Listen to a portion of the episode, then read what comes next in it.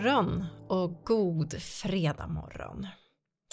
Hörrni, har ni sett att det ljusnar lite nu för varje dag som går?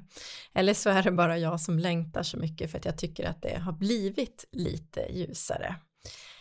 Jag vet inte vad det är, men eh, på en tidsrymd av en månad så hinner jag först längta så mycket efter stjärnor och ljusstakar och julgran för att sen på ett par dagar växla om totalt och känna att nu är jag så klar med det där. För det börjar faktiskt bli ljusare och idag har vi dessutom lite dropp ifrån taken här i Uppsala efter ganska många kalla och snöiga dagar. Och igår när också solen sken på eftermiddagen och det droppade lite och då kändes det faktiskt hoppfullt. Det kommer att bli vår. Fast det är lite långt dit, men vi går i alla fall åt det hållet. Och först ska vi passera en av mina favoritårstider som vi tyvärr inte har så ofta här i Uppsala. Och det är vårvintern. Men när den dyker upp med sol och snö och ljus och lagom kyla, då är den underbar. Det blev faktiskt en sån förra året i slutet på mars och början av april och det var helt fantastiskt. Så att jag får ge mig till tåls och se hur det blir. Vi pratar ju ofta om väder i Sverige, det är min uppfattning i alla fall. Det är ett ämne som man alltid kan starta en konversation med och det finns nästan alltid någonting att säga. Ett annat ämne som vi ofta pratar om, ifall jag ska tro er lyssnare, och det gör jag ju förstås, det är åldrar.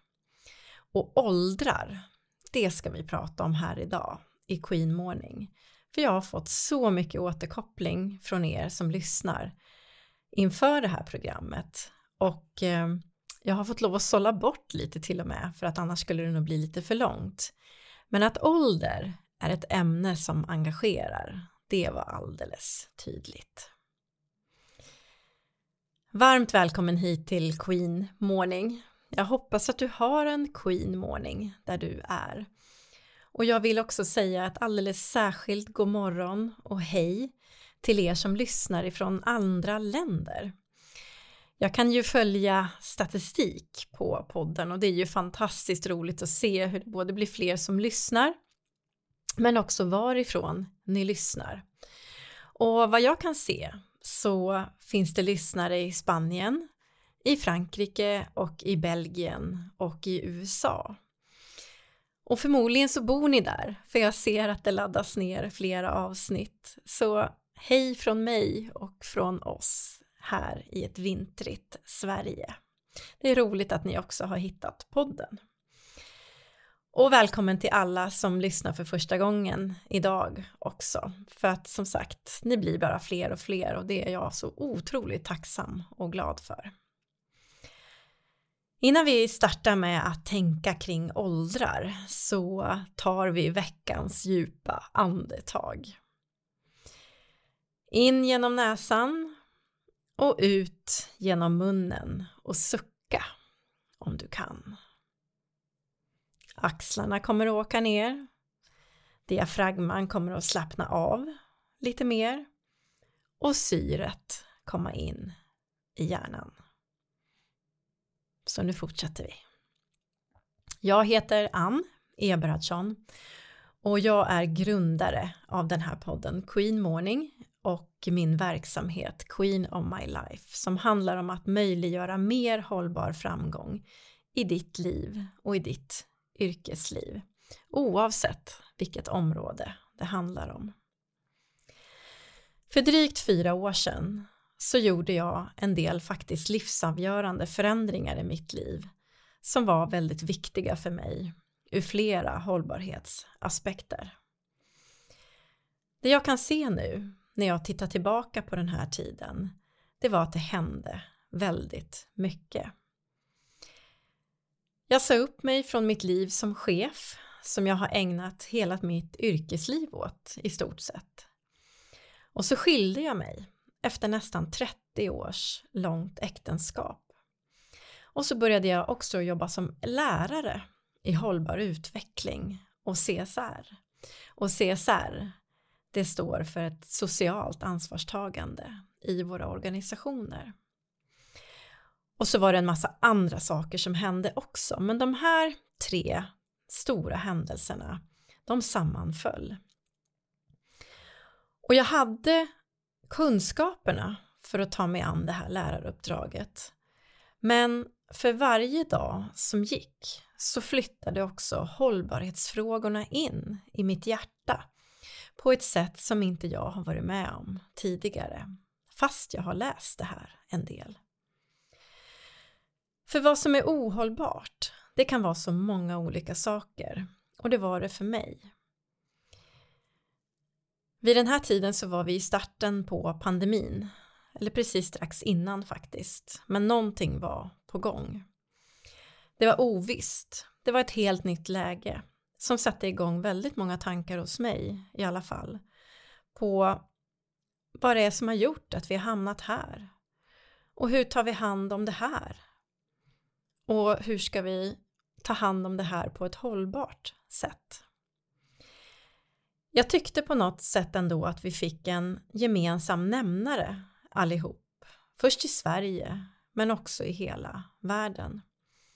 Och jag har tänkt många gånger att eh, tänk om vi med samma handlingskraft och snabbhet som vi forskade fram vaccin, samordnade oss kring skyddsåtgärder och regler och förhållningssätt och hur vi prioriterade allting tillsammans ändå. Tänk om vi skulle kunna göra samma sak för klimatet eller för världens hunger eller för att skapa fred. Vi kan det, det vill jag fortfarande tro. Men då behöver vi orka driva det tillsammans, inte ge upp, växeldra när orken inte finns och ta våra medvetna steg för mer hållbar utveckling, för mer förbättringar, för mer hållbarhet. Förutom att så mycket landade i mig själv där för fyra år sedan kring ekologisk hållbarhet och klimat och miljö så blev också den sociala hållbarheten väldigt viktig. Här lever vi i våra samhällen och hur lever vi i våra samhällen? Och hur har vi det tillsammans? Hur ser hållbarheten ut på våra arbetsplatser? Hur såg den ut i mitt arbetsliv?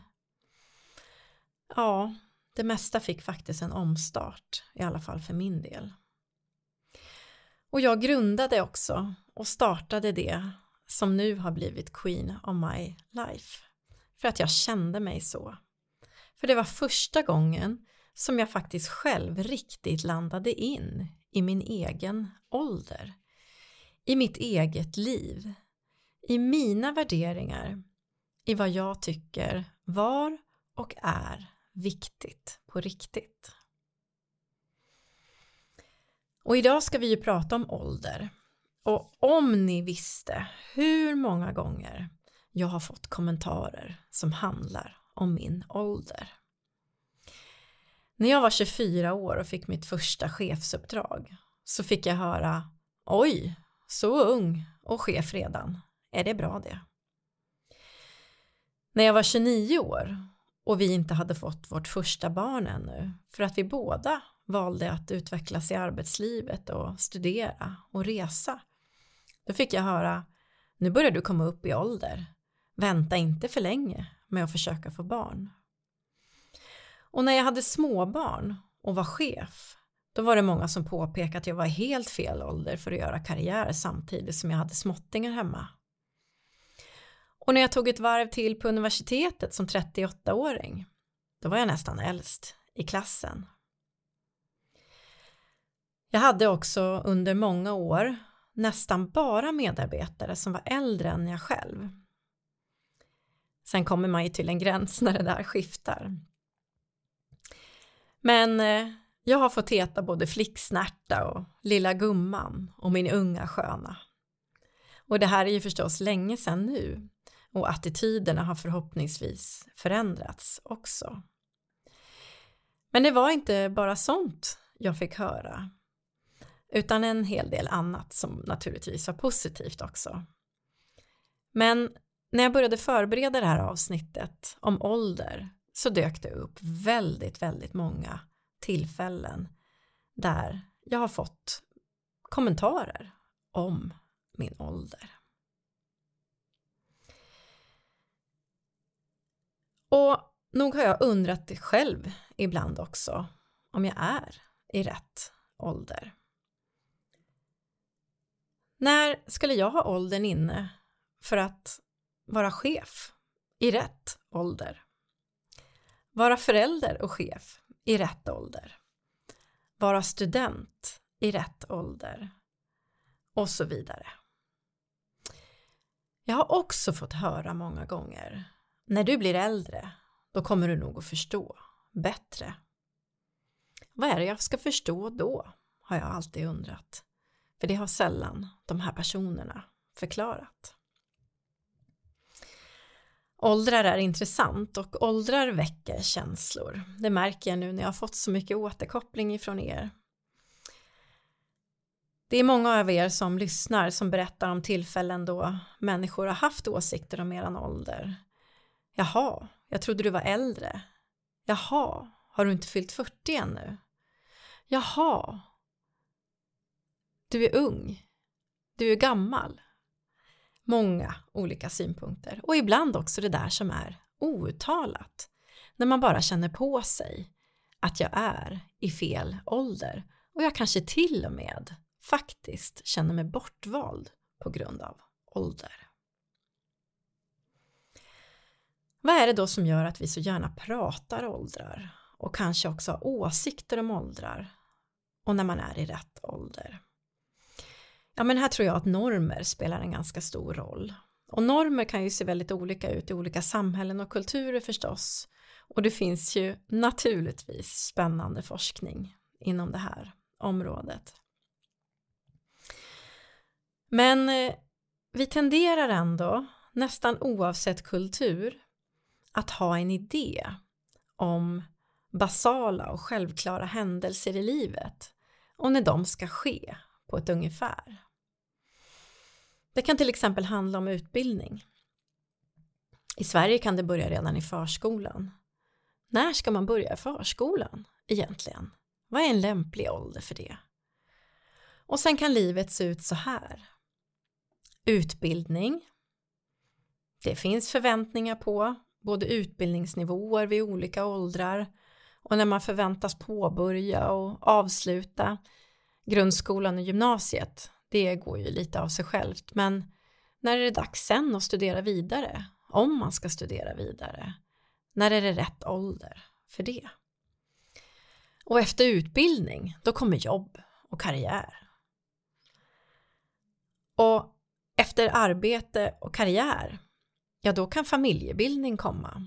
Och även om det börjar förändras väldigt mycket på hur vi ser på det här med familj så säger forskningen i alla fall att det här med familjebildning i någon konstellation eller bortval av familjebildning det ligger ändå någonstans här efter både utbildning och starten på arbete och karriär. Och sen är det arbete, arbete, arbete, arbete. Och sen kommer pensioneringen, åldrandet. Det finns en forskare som heter Sarah Lawrence Lightfoot som är en amerikansk sociolog och pedagog.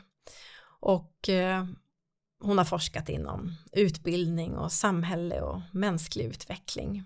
Och hon är väl kanske mest känd för sina bidrag inom utbildningspsykologi och utbildningssociologi och har fokuserat mycket på människors livsberättelser och livsberättelser i olika övergångar av livet. Alltså man skulle kunna tänka de här stora basala händelserna som jag nämnde alldeles nyss och så övergångarna mellan dem. Och det där är intressant, tänker jag.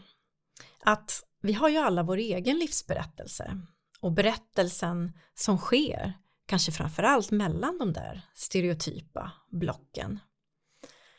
Men berättelsen mellan utbildning och arbetsliv, hur ser den ut? För mig var det glasklart redan som 14-åring att jag skulle bli journalist.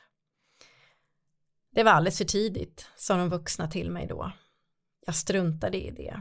Jag skaffade extrajobb som reporter och flyttade hemifrån direkt efter gymnasiet för att plugga till journalist.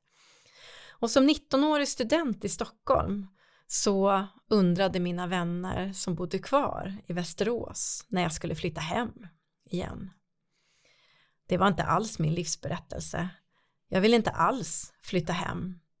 Jag bodde i ett nytt hem. Jag ville resa, jobba utomlands. Och någonstans där, efter några år i yrket som journalist, så dök både nya möjligheter och hinder upp. Livet, vuxenlivet, hade börjat. Och så där har det ju sen fortsatt. Det finns ju en livsberättelse bakom alla beslut och även de beslut som man inte riktigt vågar ta. Och jag vill gärna tänka att det är snarare livsberättelser än en specifik ålder. Men många gånger är det åldern som påtalas av andra. Det är inte rätt tid för det där. Eller det där är det helt rätt tid för, vad det nu än är. Ibland pratar vi också om mental ålder, faktisk ålder och den fysiska åldern. Den mentala åldern, ja, alltså som vi känner oss inombords och det där kan ju pendla väldigt friskt, i alla fall i mitt liv.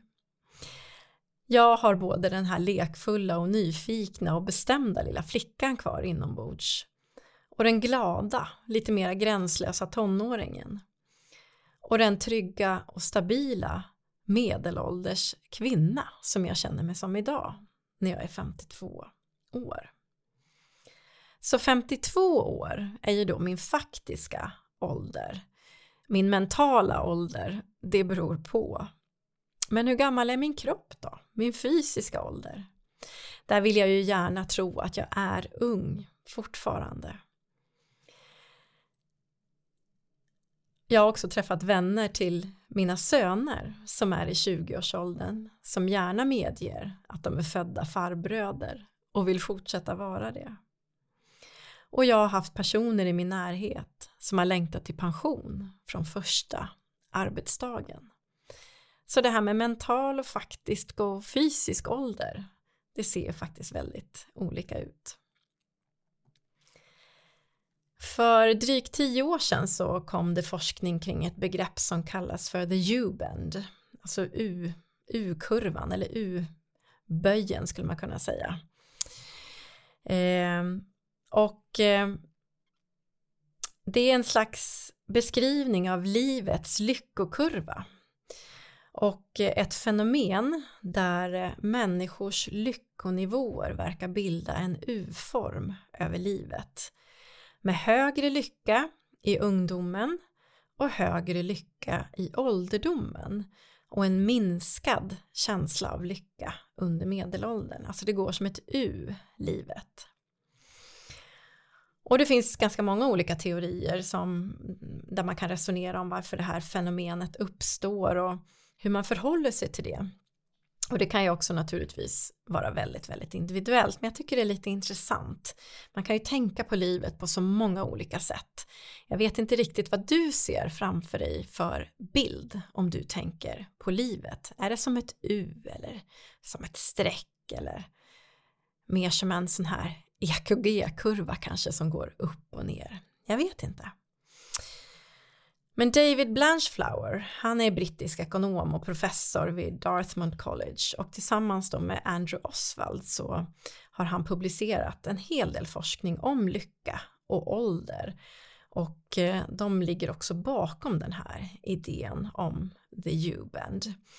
Och vad är det då som händer? Ja, de menar på då att biologiska och psykologiska förändringar det upplever vi i livet och eh, de sker kanske främst då, eh, det finns vissa teorier i alla fall som menar på att de här förändringarna inträffar under medelåldern eh, och att de sammantaget någonstans gör att vi faktiskt känner lägre lyckonivåer. Sen å andra sidan så är det ju många som säger att med medelåldern så kom acceptans och livsvisdom och en mer avslappnad attityd till livet. Så det är klart det kan se olika ut. Men eh, de här två herrarna pratar i alla fall om de biologiska och psykologiska förändringarna då i medelåldern som möjliga förklaringar till att man känner att man är då längst ner i sitt U. Och eh, även att vi då under medelåldern kan uppleva att vi liksom börjar själv utvärdera livet och omvärdera livsmålen och förväntningarna. Och att den här faktiska livssituationen som man lever i, den stämmer inte faktiskt överens med förväntningarna och förhoppningarna som man har om livet och att det också kan göra att man känner en minskning av lycka. Och sen kan det också längst ner i det här u finnas sociala och kulturella faktorer som spelar in. Att eh, förändringar i det sociala nätverket och relationer såsom äktenskap, ja, föräldraskap om man har barn, barnen blir äldre, kanske också flyttar hemifrån, arbetslivet, är det det här jag ska hålla på med jämt? Eller är det nu jag ska våga mig på något annat? Ja, men det är mycket då som kan påverka de här lyckonivåerna. Och jag tycker att det här är en lite intressant tanke. Ehm, och jag tänker att när livet ser ut som ett U och kanske framförallt när man är på väg ner i det här ut och man håller på och vrider och vänder och bänder på sig själv som mest för att få ihop allting med jobb, kanske en familj med små barn eller att få vardagen att gå ihop med allt vad det kan innebära. Ja, då kan det ju vara en hel del faktiskt att hålla reda på. Och om jag tänker den här U-modellen på mitt eget liv så gjorde jag ju allt, känns det som, när jag var i 35-40 års åldern. Så då var jag väl förmodligen på väg ner då i den här svängen innan det skulle svänga upp igen. Men just då, när allting pågick samtidigt, så tänkte jag faktiskt inte ens så mycket på lycka tror jag. Det var liksom måndag och fredag och hämtningar och lämningar och tågresor och arbetsdagar och så blev det helg ibland och så gick livet på något sätt och det det kan ju också faktiskt vara en form av lycka. Men eh, sen när jag började komma ner i själva böjen och det här, ja vad ska vi säga, backen dit började plana ut och livet gick in i en annan fas, då blev allting för mig mycket, mycket tydligare. Nej, men så här vill jag ju inte fortsätta. Inte med allt i alla fall. Och jag tror inte faktiskt att man måste krisa på något sätt för att må bättre. Men de allra flesta liv innehåller olika typer av utmaningar, svårigheter och ibland också kriser och ibland riktigt svåra kriser. Och hur det än är, på något sätt, så vänder ju det där ut så småningom. Och om man tycker att det börjar gå uppåt, ja det är kanske är en definitionsfråga, men det tar i alla fall en annan vändning. Så kanske är jag en modell för the U-bend, jag vet inte. Vad har allt det här med ålder, med hållbarhet att göra då?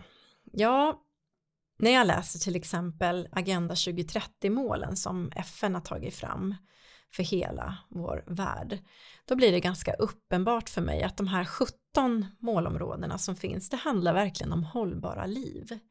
Rätten till utbildning, när man är ung eller hela sitt liv för, för övrigt. Rätten att få ta del av digitaliseringens möjligheter även när man räknas till de äldre i befolkningen rätten till trygga samhällen och möjligheten att få leva ett bra liv utan att det tär på möjligheterna att de som kommer efter att också få ha bra liv.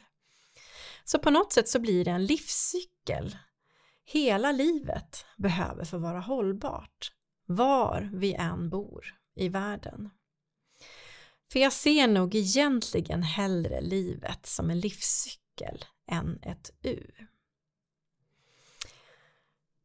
Nu tycker jag äntligen att jag är i rätt ålder. Men kommentarerna, de får jag ännu. Du, om du ska byta jobb en gång till nu innan du går i pension, då kanske det börjar bli dags. Kan jag få höra. Tack för tipset. Jag skulle också vilja ta med några tankar från en av er lyssnare som skickade in sina reflektioner till mig som jag tycker summerar det vi har pratat om idag på ett väldigt fint sätt.